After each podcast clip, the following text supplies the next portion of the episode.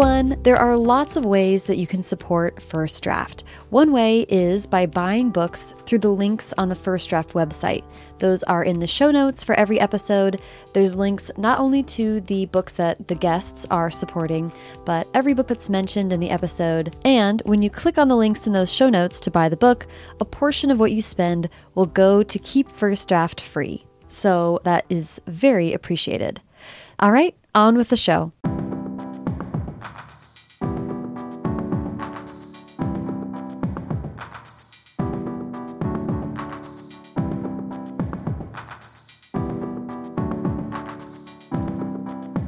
Welcome to First Draft with me, Sarah Enni. This week, I'm revisiting one of the very earliest interviews I did for this podcast the conversation with Libba Bray. Libba is the New York Times best-selling and Printz-winning author of many books, including the Gemma Doyle trilogy, Going Bovine, Beauty Queens, and the Diviners series.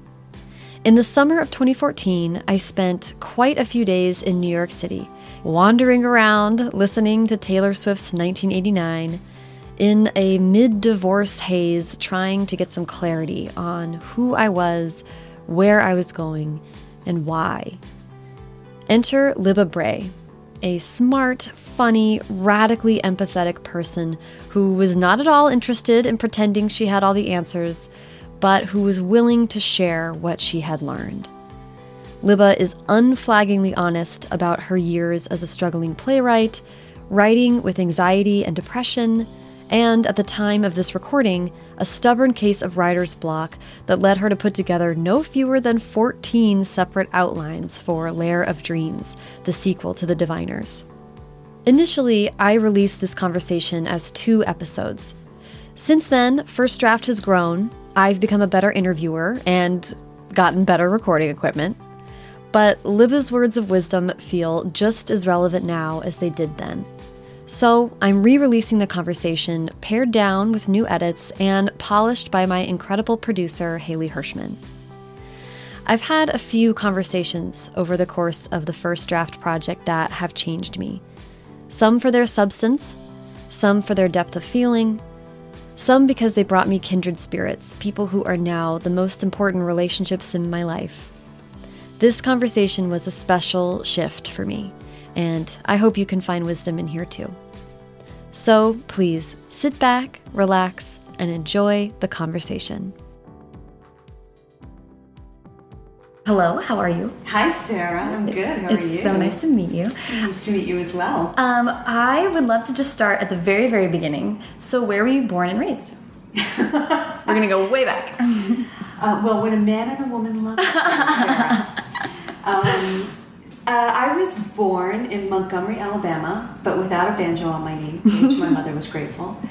Then, and by the time I was think I was not quite three when we moved to Corpus Christi, Texas. Okay.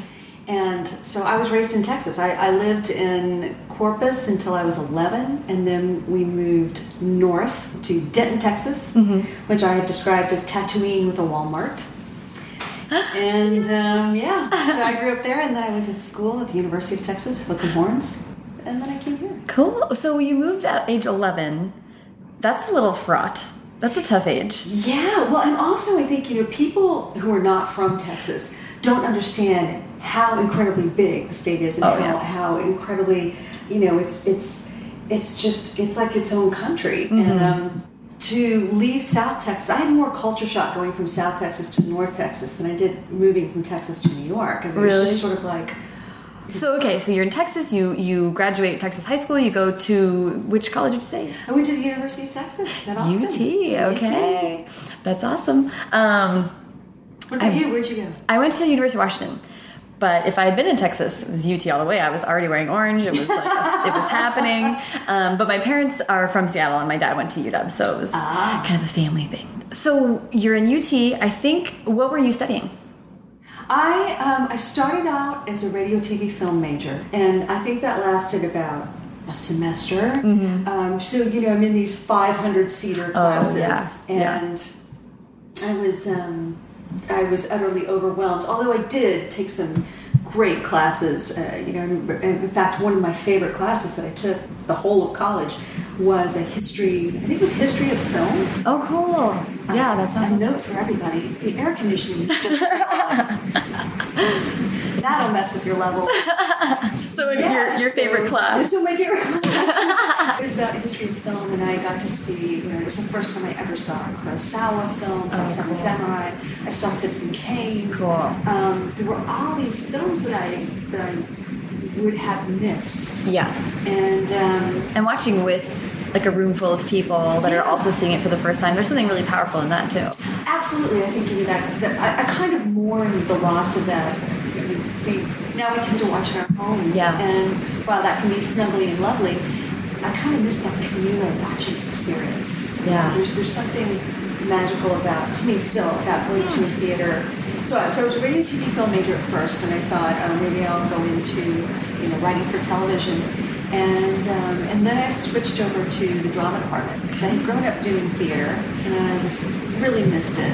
Yeah. And got into the drama department and by the time I got into the drama department, I realized I didn't want to be an acting major. I uh-huh. wanted to. A friend had asked me if I would write a monologue for a production he was doing. It was a collection of six monologues called One to the Sixth. And he said, Man, I'm short one monologue and I need something kind of funny. Do you think you could write something? I was like, Well, I've never tried before, but sure, I'll give it a shot. I ended up writing this monologue and he was like, Hey, you know, it's not bad. Maybe maybe you should consider writing a whole show of monologues, which is what I ended up oh, doing. Oh, wow, okay. But but so by the I, I studied drama, and um, by the time I got in there, I you know realized that maybe playwriting was sort of the way I was. that was. What did you study? Um, well, I studied, I was journalism and, and, English. So I do find it it's interesting that you, had you performed when you were in theater before? Yes, I did for years and I loved it growing up. And it's really funny because that was my release. Mm -hmm. I, I, absolutely loved performing. Yeah. And I always never got nervous. Yeah. And, and you know, always felt like I knew my lines and everybody else's lines. And, and, um, and then the first time so that the show that I was talking about, I mm -hmm. ended up. My first play was called uh, High Hopes and Heavy Sweatshirts, and it was a collection of uh, seven women's monologues. They were interrelated, and it all took place in this uh, West Texas town. Cool. Fictional West Texas. Very cool. Fictional West Texas town. Hello. and the first monologue, uh, I ended up performing as well. And I got out on stage, and for the first time in my life, had an absolute like panic attack. Um, a complete terror uh, wow. and went up on my lines. And it probably was maybe three or four seconds mm -hmm. that felt like right. half an hour. Right. And it completely shook my confidence, and I was never, I was never the same after that. I, I wow. know it's terrible. I, I was, I was absolutely like I thought, oh my god, that can happen. You can right. just completely forget your lines, and um, and I still performed for a while, but it, not with the same enjoyment and abandon. Yeah. I don't know if I will ever feel comfortable doing that again. And yeah. yet I do, you know, perform with Tiger Beat, but that's different. Which we're totally going to talk about. what I really am curious about is you sort of, it seems like you sort of knew that writing was a part of what you wanted to do, but it wasn't books. And I'm curious about how stage writing for the stage what was it that that was fulfilling for you? What did you like about that? Um, it's a good question, and and like you, I had no idea that I wanted to be a writer when I was younger. Like I, I would tell stories, and I was writing lots of weird little things, yeah. uh, but I never thought about it as a as a career. And much like you had said about just this idea that you don't become an author, right? Know? Like like that's just that's like that's like saying I would like to be a space alien. I guess because I had been in theater, and really what happened was, uh, so when I was 18, I had this really serious car accident. You know, was lucky to have lived and spent the summer following my high school graduation going to hospitals and getting my face put back together because I had mm -hmm. pretty much broken every bone in my face and had my jaws wired shut and they had to rebuild my nose and many times and you know and I had lost my left eye and um, and so that summer was sort of a, a, time of what I would call still magical childhood thinking where you mm. think everything's going to be fine. And in fact I think probably because everybody was so like oh my god right. you know you're so brave And I just thought, wow, I am so brave. Mm-hmm. Look at me, I am brave. Right. Hold on, photograph me from my right side because that's the really brave side. You want to get that extra sparkle, people. And so, just as I was going, by, I insisted on going to college mm-hmm. and moving into the dorm, even though the college was in my hometown. I went to North Texas for one year. Oh, okay. That, that first year. Because I was still having to go see doctors Right. all the time. Right. And so just before I went to college, like the week before, they fitted me for my first artificial eye, and Wow. it wouldn't fit properly, and uh, you know because there was just so much damage. And mm-hmm. all of a sudden, I realized, oh, there is no do-over button. There is no magic wand. This is where I am. This mm-hmm. is this is what I'm going to live with for the rest of my life. Mm-hmm. And I think you know also because you you know having grown up in Texas, I mean, look, the beauty myth is everywhere Yeah. these ridiculous standards, um, this this weight that is on women all the time. But I think there is something about Texas uh, that makes it extra special. Yeah. And all of a sudden, you know, I, and I think I suddenly I was going to college and people were looking at me funny, Mm-hmm. and I it was just a really awful time. You know, I felt like a freak, Yeah. and I my friends were going off and dating and having all these adventures, and I was going to have surgery, and the only way that I could cope with that was I had gotten as a graduation present Mm-hmm. this um, this little yellow journal that um, with a flower on it that somebody had given me, and I, I remember thinking at the time because it was a high school graduation gift, and I thought because I was a brat, lamest present ever. And of course, that journal ended up saving my life. Yeah. because I, be- I, I would just sit and write in that all the time. Wow. And it was the only place I had for writing down my feelings.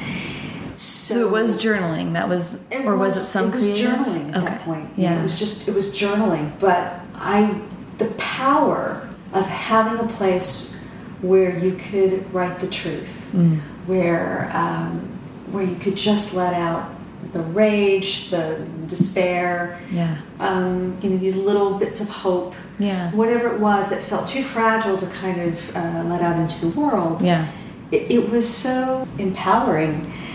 And um, and that was when I thought wait a minute there's something to this writing thing. I think actually this is what I would like to do. But I, I just wasn't sure how to go about it. So really my the only thought I had because still the idea of like oh you don't just one does not simply walk into Mordor Right, one right. does not simply write a book Yeah. I thought oh TV well I grew up watching TV Yeah, right, I right. that. Sure, having obviously, I'm sorry, TV writers. I, what you do is impossible.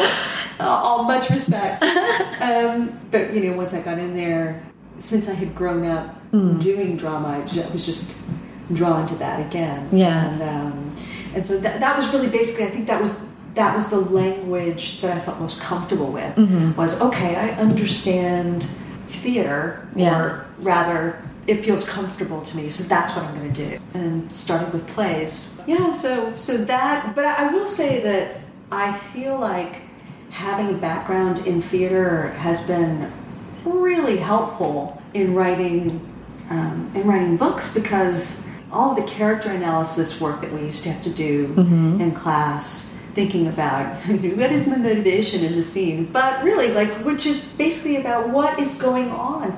You know when you have a character who is a villain and i use air quotes there um, you know what are the many facets of this character and, and Yeah. how do you uh, you know one of the things that i always thought was really great about watching good actors was that they would come up with some kind of business as business as we call it in the drama circles and that business could be at odds with who they seem to be Well, wait a second. What do you mean by business? I'm not familiar Okay, so that. like for instance, let's say that you have a character who is, and again I use my air quotes, a villain. Mm-hmm.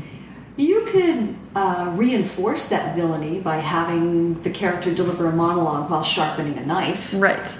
or you could you could really mess with people and have that villain be delivering a speech while lovingly you know feeding his dog. And that brings up all kinds of interesting possibilities like wow that's here's a dude who you know here's an axe murderer but who was really loving toward his dog. That's just you know that's Right. It's freaky. Right. Um, And much more compelling.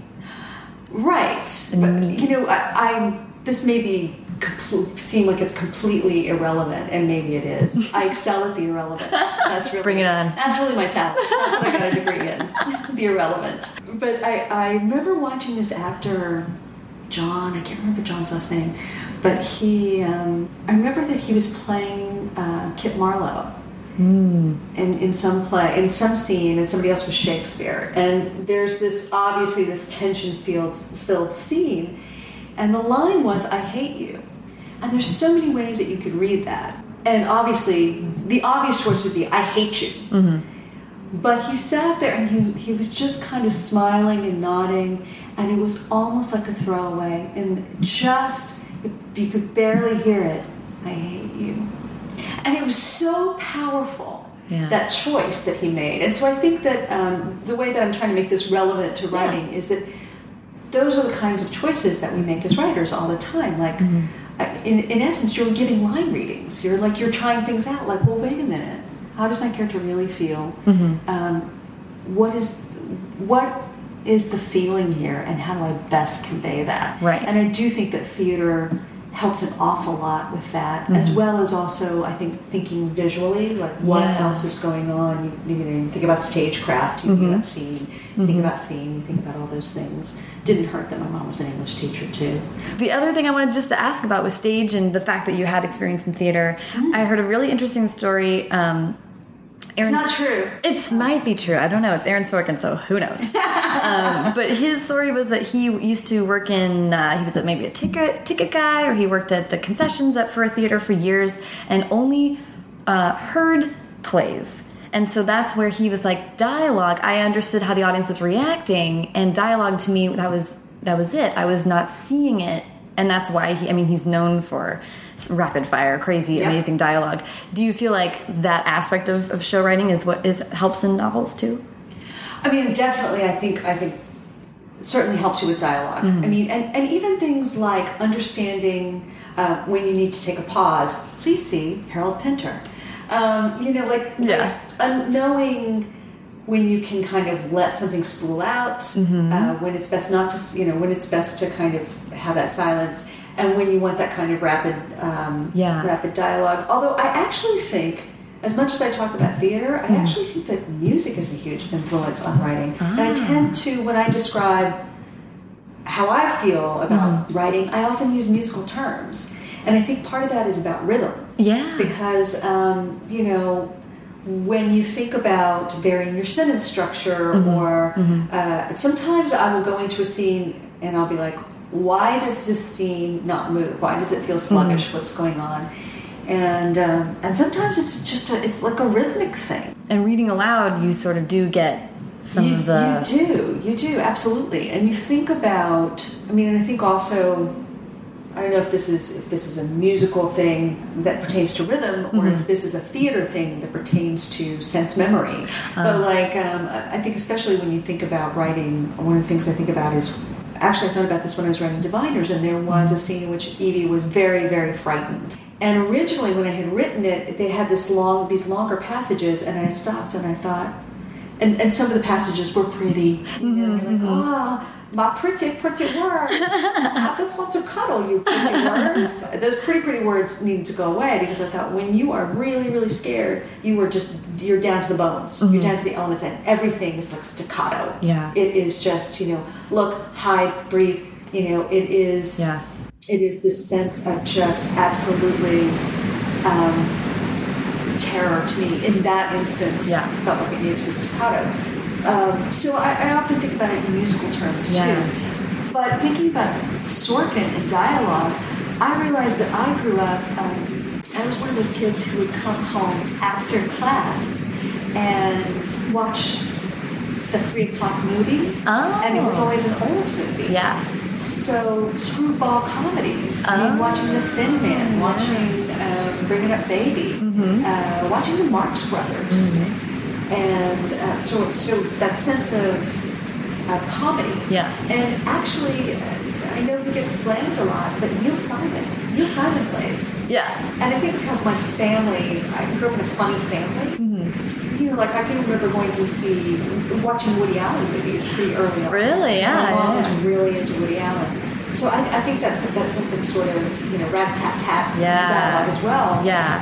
Probably came actually more from film than necessarily from plays, except for Neil Simon plays. But, um, Interesting. I think that's cool.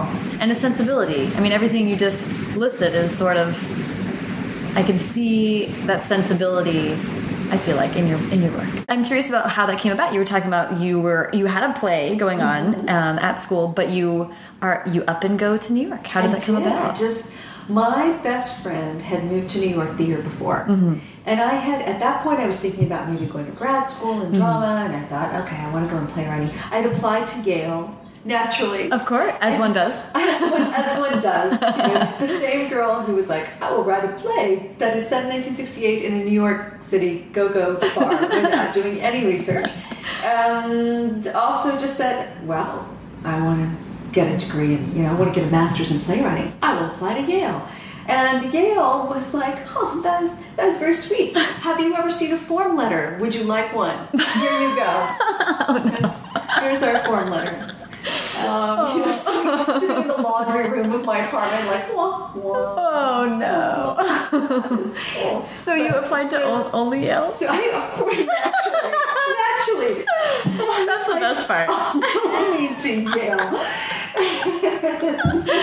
I, and, but I remember at the time, I was thinking, I, I thought, okay, I want to either be in New York. I thought I could go to New York, I could go to Chicago. Um, actually, Seattle was one of them because it was also a. Good theater town. Yeah. And, and I had, I, at that point, in my friends, I had friends who had moved to LA. Mm-hmm. I'd gone to visit them in LA. I'm like, no, I'm not an LA person. Yeah. And um, and so my best friend moved to New York, and she called me and she said, "Look, my roommate's moving out. If you want to come, um, you know, come now." Yeah. And so I just waited tables until I, you know, for three months. I mean, I had been waiting tables, but as, as one does with a drama degree. Yep. Yep. Yep.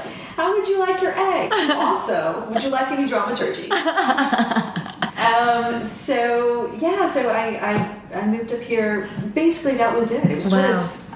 I was kind of just spur of the moment. I sold everything. I think I had like six hundred dollars to my name Wow. Yeah. and no job. Yeah. And I moved up here and was, you know, just um, trying to get. I got a copywriting job Wow. for Yeah. publishing at Penguin. That's it. I moved to New York, and, I, and then I thought, well, I will naturally become a playwright. And Right. um, have you ever seen Singing in the Rain? Yes. Which is one of my favorite movies. Um, do you know that that scene? Gotta dance with Gene Kelly go, going, you making the rounds and. Yeah. getting the door slammed in his face. And that was, that was pretty much it. That's pretty much it. So just years of toiling at uh, Yeah. playwriting. I had this copywriting job, Mm-hmm. and then I would just write whenever I could. And then I ended up working for this insane home video company called Good Times Entertainment, not porn. I know, shocking, not porn. But they did a lot of exercise videos. And in fact, I wrote copy for Marky Mark's exercise video Get out. form, function, fitness. or it might have been form, fitness, function. No, we're gonna need a Boston accent on that one. Form, function, fitness. Uh, yeah. Oh my god. And I was the voice of Richard Simmons for a long time. I wrote Richard Simmons' copy. that is amazing. I have, in fact, I was just during Fourth of July. Somebody, I was telling somebody about this. Um, it's not in here; it's upstairs. I'll bring it. But he, he once sent me from Pepe of Beverly Hills a platinum and diamond bracelet. Fortunately, Richard liked me, and I liked Richard. He, That's- was, um, he wears the shorts always. oh my god. Always. Dead of winter, shorts. Wow. He's got a thing. He's, he knows how to work it. Um, I know I loved Richard. So. That and I did like. Cindy Crawford's uh, exercise video. I wrote a copy for her. Wow. But, um, and also The Lamb Who Saved Easter. You might have, I, I, uh, you might have missed that one, although it was everywhere. It was everywhere if you were.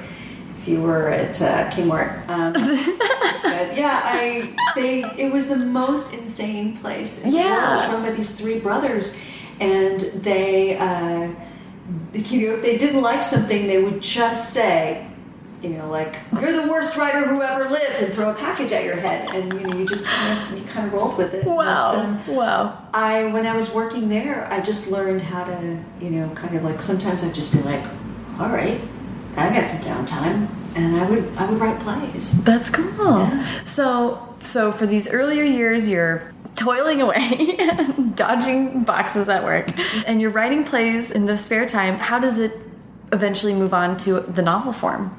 Um, uh, so years of toiling at playwriting. Yeah. And along comes the New York International Fringe Festival, right? Ah, yeah. The very first one. Mm-hmm. And I submitted a play, and they chose it as one of their entries. And I was like, Wow. yes, I have arrived. Some of our more astute members of the audience might already be cringing. Oh no. so you know and at the time i was working at an advertising agency and so i, I said can we take them on as a pro bono Mm-hmm. um, thing and you know we designed the advertising uh, ed my friend ed who'd already moved here by that time Oh, okay. he was directing it and we were like down in these probably rat and asbestos filled theaters Mm-hmm. pulling out seats and trying to because part of the first fringe festival they were rehabilitating some of these spaces on the lower east side Oh. and making them into theater spaces so Cool. um, you know which was amazing Mm-hmm. and um, yeah so did this show and actually performed in it as well was terrified and um, one night the theater reviewer from the New York Times comes out, um, who shall remain anonymous except for his initials, which are Peter Marks of the New York Times. and Peter Marks of the New York Times um, comes to the show. Two days later, it was a Friday, I guess, maybe, or a few days later, and um, the theater reviews were coming out. Mercifully, it was only three sentences, but they were the most excoriating three sentences. Um, on the plus side, I did learn the vocabulary word mawkish. Oh my god. Um, you know, so there's that. Oh my gosh. Uh, the other words I knew. And yeah, he just tore it apart. Oh, and you know what? With good reason. Um, but I was devastated. Like I got to the theater that night, and when I got there, I have never experienced this, where people are having a conversation and they just stop and they part as if there's been a death in your family. Mm-hmm. And I thought, oh my god, we have to get through like three more shows. Oh my god. And oh my god, it was just Oh, no. so demoralizing. And I thought, here it is, I finally got a production in New York. I've got, you know, like this is my big moment. Yeah. And I stunk it up. Like, not just stunk it up, but was like, oh my god, you know, like, we will never get that smell out of the carpet. Right. You have no reason for living. oh my My god. eyes, my eyes. and uh, you know, and I was just, I was devastated. Yeah. absolutely devastated, and I stopped writing Wow, because really? I just, I couldn't. I thought, I don't, you know, wow, I gave it my best, and my best wasn't good enough. Mm-hmm. Of course, looking back on it, I, I realized like, oh wow, I, I see that I, you know, had no idea what I was doing. That he was, he was not wrong. it was funny because we, we ended up selling out. Like people really, for some crazy reason, enjoyed it. But I look back at it and I, I absolutely see what he was saying. He, was, he was right. It was not. It was it was kind of sophomoric. Hmm. But at that point, it was just like I, you know, uh, and and uh, and then shortly afterwards, I got pregnant. And, Oh, wow. And Okay. you know, so I had a baby. Yeah. And I started reading all of this YA, which didn't exist when I was coming up. I mean, there was Catcher in the Rye, and there was Separate Peace, and there was Bell Jar, and those were the th- my three favorite books. You know, um, but there were YA as such didn't exist. And so I was, uh, you know, now then all of a sudden I'm reading Laurie Halse Anderson and I'm reading, you know, David Levithan and Rachel Cohn and France- Francesca Lia Block, and I just was like, Yeah. and, and you know, and, and um, Angela Johnson, and you know, it was just, I was blown away. Mm. I went, wow, this is, this is amazing, and I loved it. Mm-hmm. And then, um, Because your plays were were adult. There, Yeah. it was not an adolescent theme in your plays, right? Okay. right, and um, although interestingly, the the first play that I did, the the monologs Mm-hmm. I realized that two of the monologues really could be sort of I mean, they were 20, early 20 somethings, Mm-hmm. but there definitely had an adolescent flavor to them. And one, Yeah. of the, one of the characters was a child. But at the same time, I started taking this workshop that I dearly love. Mm-hmm. And, um, and just recently started taking again. Cool. And, um, and it's led by a man named Aaron Zimmerman who runs a nonprofit called uh, New York Writers Coalition, Okay. which brings um, writing workshops into underserved communities. Cool. But he does this other thing called Manhattan Writers and Brooklyn Writers. Uh, and those workshops, you know, obviously they're paid, paid, Mm-hmm. you know, you pay to take those workshops. And but it's nice to know that that money gets used for Right. things. Right. Um, I the first time I started taking this workshop, they had been they were doing one at the Barnes and Noble here in the neighborhood, Mm-hmm. and I had a baby, which meant you know I just needed to get out of the house for a Right. little. And I went and watched them, and then heard, heard them reading their their stuff, and I was like, wow, that's amazing. And so when I asked about it and was told that the way the workshop runs is that they give you a writing prompt and you write in that time yeah. and that you're only allowed to comment on what's strong. And my first thought was like, what kind of commie model is this? Where's the pain? and how can this be helpful? And of course, it's enormously helpful because the writing is so embryonic at that point that you, but when you feel safe, you take all those risks. Yeah. And that was Yeah. hugely influential. But I wrote my first YA, which was horrible. And I submitted it. Um, we were friends with Ginee Seo, Uh-huh. who's an editor at Chronicle now. Okay. And at the time, I think she was at Harper. Mhm. But, you know, we knew her socially. And Yeah. so I said, you know, hey, will you, you mind taking a look at this? Mhm. And she very generously offered to look at it. she was taking notes, and then she said to me, I stopped halfway through, and I thought, because you wanted to be kind, you remember me like this. I don't. it would be like watching you try on a bathing suit in Macy's under fluorescent lighting. I just don't want to have that in my brain. Right. Uh, right. So she, she said, you know, I think that, that you, you need to learn how to write a YA book. Right. And I, what would be great is she said there are there's a book packager. The time they were called 17th Street Productions. They're now Alloy. Okay. Yeah. Yeah. Yeah. And she said, um, there's an editor over there named Ann Brashares. And uh, you probably never heard of her. She is looking for, she, she has a series called Sweet 16. And there's one that's set in the South.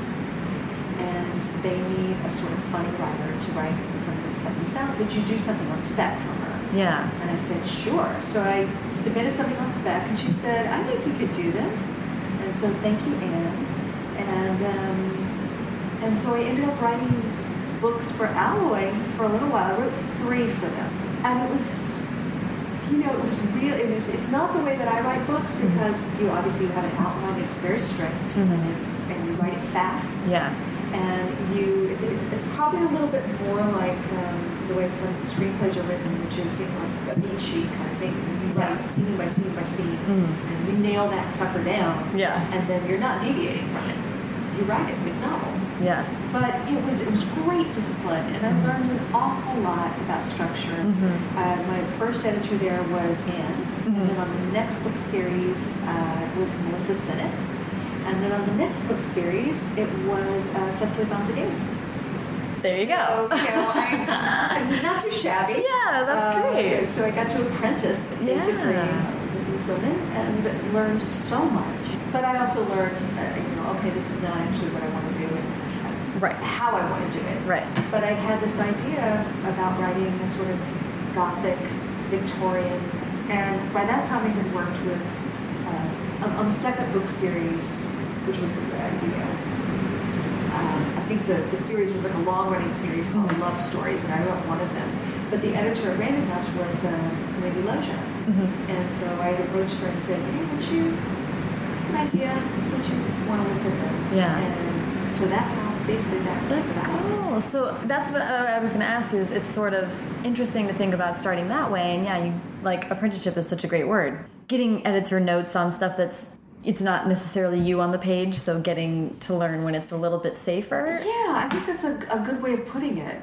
Has like when you write, um, Do you do you write in a linear fashion? Do you write out of sequence? Do you originally do you outline, not outline? Yeah, originally I was all over the place, and I didn't want to outline a bit. I just wanted to write what I wanted to write, and that worked great for the first book. It took forever, and I wasn't using Scrivener or anything. It was in Word, and I was like, Scrivener. Uh, I learned to hate Word with a fiery passion, and so the first book was just whatever. The second book, I did a little bit of outlining, a little more, and then the third book, um, which has been the one that I felt the best about, I was like, I need to figure out what's happening. Like this needs to be a, a, structure. And even though my outlines change completely as we go, I wrote from beginning to end, and I and I rewrote it from beginning to end, and keep editing beginning to end, and it seems to actually work well for me. It's not. I don't feel like it stifles anything. How do you do it? Oh, the wrong way. well, you know, it's interesting to have this conversation now as I'm struggling with mm. book two. You know, I, I have always been, I'm, I'm, not a good outliner, mm -hmm. even though I learned to do things that way. Mm -hmm. um, and I think part of that is because I, I do trust my unconscious. -hmm. And I, I do like to kind of be able to be free to go down the rabbit hole. Mm-hmm. Um, that said, I think that that works better for certain books. Right what is tough is to do that you know right now i'm writing this four book series. Right. And there's a long arc and there there are individual arcs. I mean there there are character arcs and there are yeah.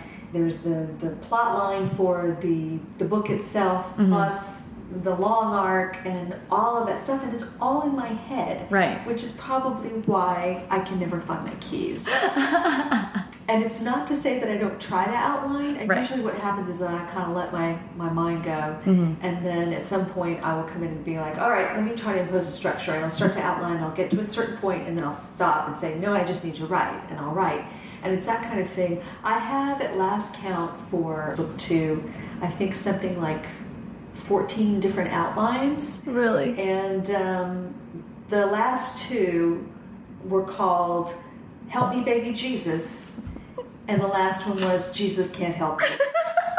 and then I tried doing like character art, you know, like mm -hmm. let me mm-hmm. map out the character mm -hmm. arcs, let me map out the emotional threads. Um, I was I was actually just up at uh, Holly Black's house. Mm -hmm. I refer to Holly as my Yoda, and she's enormously helpful mm -hmm. because she is the, the matter to my antimatter. She is so structured, mm -hmm. and because she is is so great about, um, I think rules, like helping you figure out what the rules are for your your world, mm -hmm. which is not something that I'm strong on. I have plenty of ideas, mm-hmm. um, but you know, then when somebody says, "Okay, great," how does that beautiful and really interesting toaster oven work? Right uh, you plug it in, but there's no outlet there. You plug it into the invisible outlet. You know, so it, she's really great at, at, at that, and, and it was it was actually really helpful. Um, I mean, it's not surprising; she's often helpful. But she asked me. She said, "Okay, I know, I know that outlines are hard for you, and that mm -hmm. we're not going to do that." Mm -hmm. But she said, when you had to do a beat sheet to uh, take to adapt the uh, Diviners into a screenplay. She said, "How how did that work?" And I said, "I said, yeah, I figured it out." And she said, um, "She said, did you do one for Lair of Dreams?" And I said, "I did kind of do one." And she said, "Was it helpful?" And she said, "Do you feel it was fairly accurate?" I said, "Well, I, I just did it recently, and yeah, mm -hmm. I, I, mm-hmm. did feel that it was because I inherently, having come from a drama background, think in three act structure. Mm -hmm. It's an mm-hmm. internal thing. I don't have to think about it." And she said, "Okay." That's great. What's in Act One? What's in Act Two? What's in Act Three? She said, You can do that. You can pick up the eggs and put them in those baskets. Mm -hmm. And so, uh, you know, I said, This is going to be painful. I'm going to want to get up. I'm going to invent, you know, I'm going to tell you that the house is on fire and mm -hmm. we should run. And, you know, you should not fall for that unless you smell smoke. um, and she, she's like, Oh no, I'm going to make you sit there. Uh, but yeah, I can't. I just can't seem to write that way. Um, I, Gayle Forman mm -hmm. said, maybe next time you should try, just as an experiment, writing in a linear fashion because I don't. I write right. all over the place. Right. And she said, just try writing from beginning to end and see if you can do that. Um, I feel like I mean maybe it's the toddler in me, but it's kind of like if that scene comes up and I feel it, I'm just like, nope, I'm gonna go with where what that is right yeah. now. I don't know what it means. Mm -hmm. I have mm-hmm. no idea where it's going. Mm -hmm. I'm just gonna I'm gonna go down the rabbit hole. So yeah. I will always go down the rabbit hole. I do want to talk, if you're comfortable with it, a little bit about you had this unbelievably beautiful post about writing with depression and anxiety, and I'm not sure how much you want to talk about it or not, but I'm curious to know how it how is it writing and and struggling with that and trying to try to maintain balance and a schedule for yourself and then also how the community plays into supporting with through that or helping with that. Um yeah it was a tough year. Yeah. Uh, and i was really grateful for for my lovely community because everybody was um, kind and loving and supportive, and you know, you couldn't hope for more. Yeah. Um, it was really sort of overwhelmed um, by how kind everybody was, and also I think by um, by how many people struggle with it. And to what degree? Yeah. Because you can hide it a lot online. If you know someone primarily through um, online communications, you can. Uh, that's a chosen representation of yourself, and there's been several writers that have come out and talked and, and spoken very bravely and very openly about it. Stephanie Perkins. Mm -hmm. And Myra McEntire had that mm-hmm. amazing yes. post. Oh, yeah. Um, and then yours was so fantastic. There was sort of this rush of them that was that we're coming from a place of, you know, let's not push this under the rug. I think to a certain extent, writers are people that spend a lot of time alone and quietly and getting in their own heads, and sometimes it's hard to get out of there. And I think it struck a chord with a lot of people. It's you know it's really tough. I think that um, I you know this is not unique to me. I think a, a, lot of people talk about this that you know there's the struggle when you're writing about uh, how much how honest you are, mm -hmm. and I certainly in the fiction I always think about um, Jennifer Jacobson, who's a really great writer had said one time that when she sits down, she asks herself, Is it true yet? Mm. And the other thing that I was thinking about is something a friend of mine, Maureen Leary, who's an adult short story writer, um, had said about a book that she had read that had been very lauded. Mm -hmm. And she said, You know, I couldn't help feeling that it didn't cost the uh, author anything to write it. And that stuck with that. She said that a good, like, you know, 13 years ago or mm -hmm. something, and, and it stuck with me. And so there's always that struggle about, you know, we do have obviously public personas, and mm -hmm. and sometimes I think things can feel very curated. Mm-hmm. curated. Um, and I think there's always that, that struggle about, okay, what do we reveal, what do we not reveal? But I will say that um, if I'm going to err on the side of something, I will try to err on the side of humanity, meaning that I will often when I'm when I'm kind of teetering, I will just say, "Well, I'm just going to be honest about it," mm -hmm. Mm -hmm. because otherwise, why write? And I think maybe also because writing did and has and continues to save my life. Um, hmm.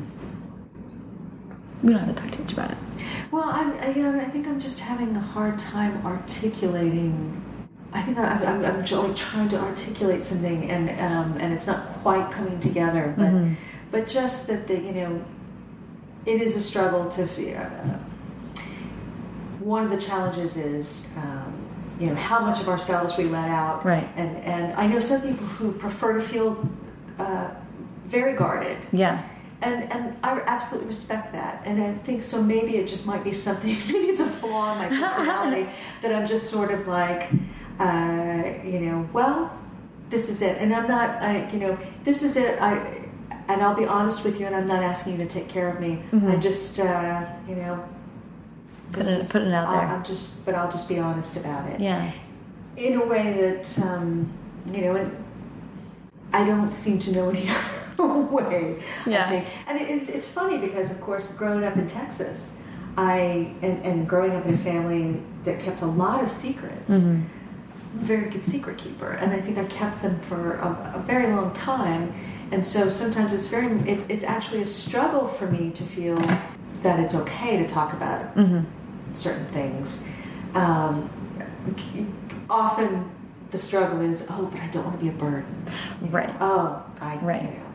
Um, and and also, I, I think because so many writers are introverts, there's a there's a often a discomfort with, um, which actually I think gets back to the stage fright. Mm. There's a discomfort with being in the spotlight or having too much attention. I, I often find that very uncomfortable. Yeah, I think one of the things that I'm that I struggle with as a human being is just about, uh, and, you know, it's one of the things that I guess we all do is is about trying to integrate all your parts and all your Yeah, selves, yeah. and figure out um, how to live as honestly and as genuinely as possible. Yeah. Um, Yeah. Without, I mean, not. Um, I'm not talking about brutal honesty. I would never. I would never Right, want to right, hurt right. somebody. Right. Um, but uh, I I mean, just about you know what you choose to reveal about yourself. It's it's interesting because one of the things that I have been thinking about writing for a very long time is uh, some more sort of blog pieces that draw on my actual past. Ah, yeah. And um, and when I think about writing them, part of the trouble there is I think uh, you know, I, and, and this is a question I have about memoir in general. Mm-hmm. Is how does anyone ever remember everything? You can't. There's some things that I remember with just crystalline clarity, Mm-hmm. and I can quote you the dialogue that was said. I think that we all are very, very hard on ourselves, and it would be nice if we could uh, be kinder to ourselves. Yeah. and, um, I think that's the lifelong struggle. yeah, yeah. I mean, you know, the, the, that kind of, and I think especially, especially when you're a teenager and you don't have context for a lot of things, that Yeah. that kind of self-loathing or um, that that spiral, it can be very difficult to see a way out of it because you you might not have this, the the look. It's tough for me, and I'm I'm not 15. Mm-hmm. I have a little more, you know, I have some more life experience under my belt, but I think especially for uh, for adolescents, not having that perspective. Um, and not feeling like you have autonomy. I mean, the Yeah. whole "it gets better" is the is it's in- incredibly difficult at that age to really grasp what a non-high school structure, and what a non-adolescent life is. well, and I think that we all have the idea that somebody else has the manual for happiness, and that we're on the other side of the glass looking at it and going, "There's something fundamentally broken or wrong about me Yeah. because I don't feel this," and and that of course things are cyclical. Mm-hmm. Um, and I- I'm, I'm not separating this a little bit from depression because sometimes depression can be in a number of things, but mm-hmm.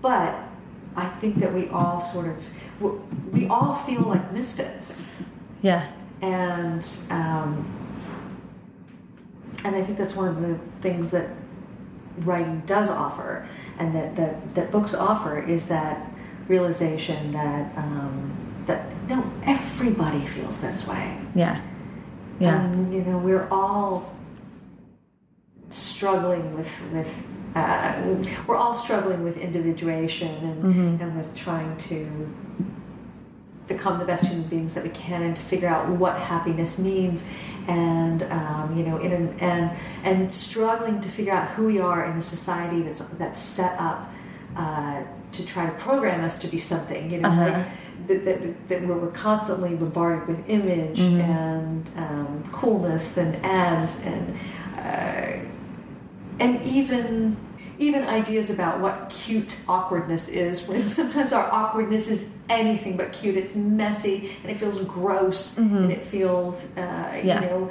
anxious and impossible Yeah, and, you know, adorkable is the worst thing that's ever happened. it bothers me so much. And I love Zooey Deschanel, and I was still like, God, get out of here with this word. You're just. I think a couple of things that struck me when, when you were what you were just saying. I also like how books are. We were talking about how Natalie has sees things at her angle, mm-hmm. and I think what reading books is so great because then you realize your particular weird view, someone else shares that too. And someone else will get your references, and someone else will. And those are things that kids can access that a little bit easier now on the internet. You can find people that are yes feeling what you're feeling and liking what you're liking, and that's a hugely powerful thing. And for me as a kid, it was just, it was books. It was seeing people who were interested in exploring things the, the way I was, or talking about things in a way that I was like, man, I hadn't thought about that way. That's amazing. And books as a life affirming thing are, you know, bar none. I mean, it's it stood the test of time for that reason, for sure. And comic books and all and movies are all stories that are doing the exact same thing, and that's what I think is probably driving a lot of us to write too. Is man, if I had had this book, I want to write the book that I wish I could give to myself way back when. I, I often feel that when I'm writing, I'm I'm trying. I'm still trying to figure everything out. Mm-hmm. And I, it's just that each time I happen to be in a different place. Right. Um, but I, I, you know, I always say we, we never stop coming of age. Mm-hmm, And um, No, I think I feel the same way. I don't. It's not always about trying to look back and say, "Here's the solution." It's it's definitely working out present issues. Like as an example, in my book, the um, it's a story about friendship, and spoiler for a book that hasn't sold. it, does, it doesn't work out. There are two girls that find out that they're different, and they're seniors in high school, and it's a friendship that falls apart. And even though it's been a huge part of their lives, and uh, the one of the editors that was speaking to me about the book was like, I think it's such a unique thing that you're covering here because people don't deal with that until their 30s. And I was like, who are you talking to? Right? Yeah, I was like, well, I'm very happy for you that you never had a relationship that spectacularly blew up until you were 30 because that shit was super It's real. brutal. and it, when you, and like the particular friendship of young female women, holy crap, you become two heads on the same body. You just, there is no boundary between the two of you. It's the closest thing to, I mean, sisters still experience this, but I didn't, I had a brother, so I had a brother also. my friendships with these people who were not obligated to love me for life became so fierce and intense and then when you as a normal phase of life realize that you're not going to be the same person forever it's wrenching and you just feel rejection on every level and that was my book was hugely just working through all those things and it was tremendously gratifying to have people read it and be like uh yes. I, you know, when I was working on um, the Gemma books, that was one of the things that that a lot of teen readers said to me that I really found gratifying was when they said that the friendships in those and the way that they were very up and down and the, the kind of um, and it was interesting because a lot of times adults would get upset about it and the teens were like nodding like yeah yep and i thought man yeah because i gotta tell you mm-hmm. like those friendships a lot of times felt like an episode of the borgias Oh my I mean, gosh, you know, yeah. it was, it was intense and it's because you are projecting so much and you're and it means so much Yeah. and you're trying you know you're you're you're working out all your your angles Mm-hmm. um, by bouncing off these other people. Of course, it's intense. Of course, sometimes there is this almost hatred because you're so enmeshed, as you said, Mm-hmm. Yeah. like the two heads on one body. And there's no, what's funny to me about that, what I can remember feeling as a teen and now looking back is so fascinating is there's no concept of an end. It is what it is now, and it shall always be. It's like a Greek god tragedy. Like, I'm going to be with these people forever, and the, when what you just said to me is a huge betrayal, and I can never get over it. And it's just everything is happening on this level, and you're like, and now I have to see you every day for the next three years, and how are we going to deal with this? And it's like, so bruising and i think adults forget that quickly yeah, absolutely. Yeah. Like they absolutely forget that, you know, and, and I think that's true about childhood too, that often uh, there's this sort of hazy filter on childhood. And Mm-hmm. like, you have no autonomy. I mean, you, you have no power as Mm-hmm. a child. You are, your life is completely ruled by, Yeah. by these other people. yeah who may or may not have your best interests at heart Yeah. or capability to care for you And all you can think about is getting bigger. So, you, you know. Mm. Yeah. Uh, so it's really, um, and that's why kids love lemony snicket and scary books Yes. I talk about how much I loved, you know, I was a horror freak growing up. like um, i can tell because the diviner scared the freaking pants off of me. So, but as, you know, as I was saying, I was an anxious child, and anxious children love horror because it's like somebody goes, "Oh no, you're right. Yeah, Yeah. bad shit." yeah, right. That thing you think is under your bed, it's 10 times bigger than you were even worried about. That's right. But hold on, because I'm going to arm you. Yeah. and, and and so it, it's yeah, it's like uh, I, I so uh, you know as you know, it's, and it's, it tends to be the Wall Street Journal. oh, the Wall Street Journal. You bring the lols. Oh, yeah. Um, you know they always like to publish an article about dark YA and Yeah. how it's ruining people, and I'm Yeah. like.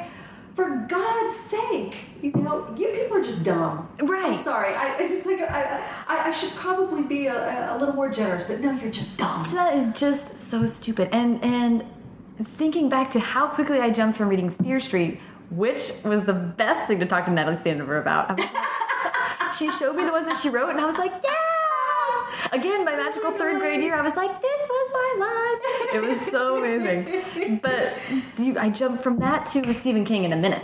So fourth Yes. grade readings, and not a problem. It was like fine. I read Helter Skelter. That's the real shit. Right?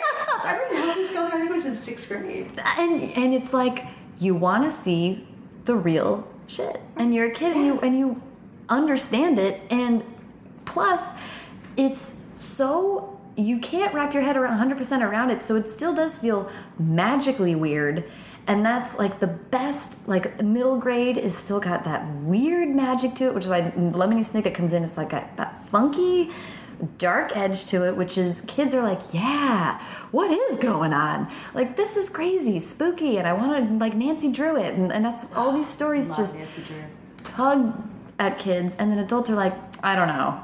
This seems a little and it's like you know it's a book. Could it be safer? Like they are sitting in their room quietly exploring the world while not harming themselves or others. Like let's just take it as it is. Um, i had a point to that but i forget what it was.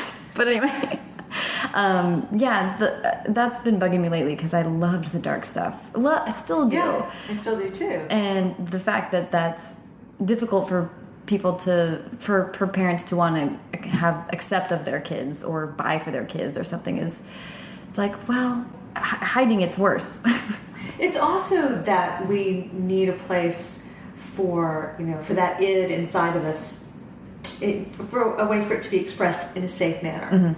And um, you know, you get to imagine yourself as all the characters. Uh, but you know, it's it's a it's um, and I think also for kids.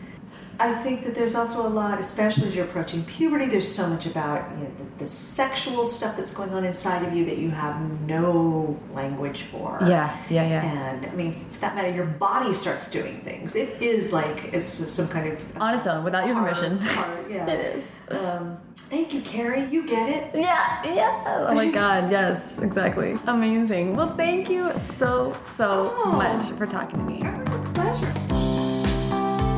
Thank you so much to Libba. Follow her on Twitter and Instagram at Libba Bray, and follow me on both at Sarah Enni and the show at First Draft Pod. For links to everything that we talked about in this episode, you can check out the show notes, which are available at firstdraftpod.com. There are lots of ways to support the podcast, and buying links through the show notes or through the uh, links that are on the First Draft website helps keep the podcast free, as does buying from our sponsors. So thank you so much for your support. If you have any writing or creativity questions uh, for a future mailbag episode, I would love for you to leave those at the voicemail box that I set up for the show. The voicemail number is 818 533 1998. Please pepper me with questions about books, um, podcasts, any of that stuff that you're curious about. I would love to address it in future mailbag episodes, and uh, and I'd love to have your voice on the show. So again, 818 533 1998. If you enjoyed the show today, the easiest way to support First Draft is to subscribe. You can subscribe to the podcast wherever you're listening, that helps a ton, as does leaving a rating or review on iTunes. Uh, I'm going to read a recent five star review that was left on iTunes. This review was left by SMT730. SMT730 says, Great! Lovely. Sarah is a wonderful, supportive interviewer, and the guests are always thoughtful, unique, and insightful. I've grown in empathy for the idiosyncrasies of the writing process, And listening to this podcast has increased both the intimidation around the challenges of writing a novel and the sense that it could actually be doable despite all those challenges. SMT 730, that's exactly how I feel about the podcast. Um, it definitely makes things seem more mysterious and difficult, but also uh, more easy and doable. So I love that review. I really appreciate you taking the time to leave it. Every review on iTunes helps get the show in front of people who might not find it otherwise. And that kind of organic growth is super important. So I really appreciate you taking the time. Haley Hirschman produced this episode. The theme music is by Dan Bailey, and the logo was designed by Colin Keith. Thanks to production assistant Tasneem Daoud and transcriptionist at large Julie Anderson. And as ever, thanks to you, magical childhood thinkers, for listening.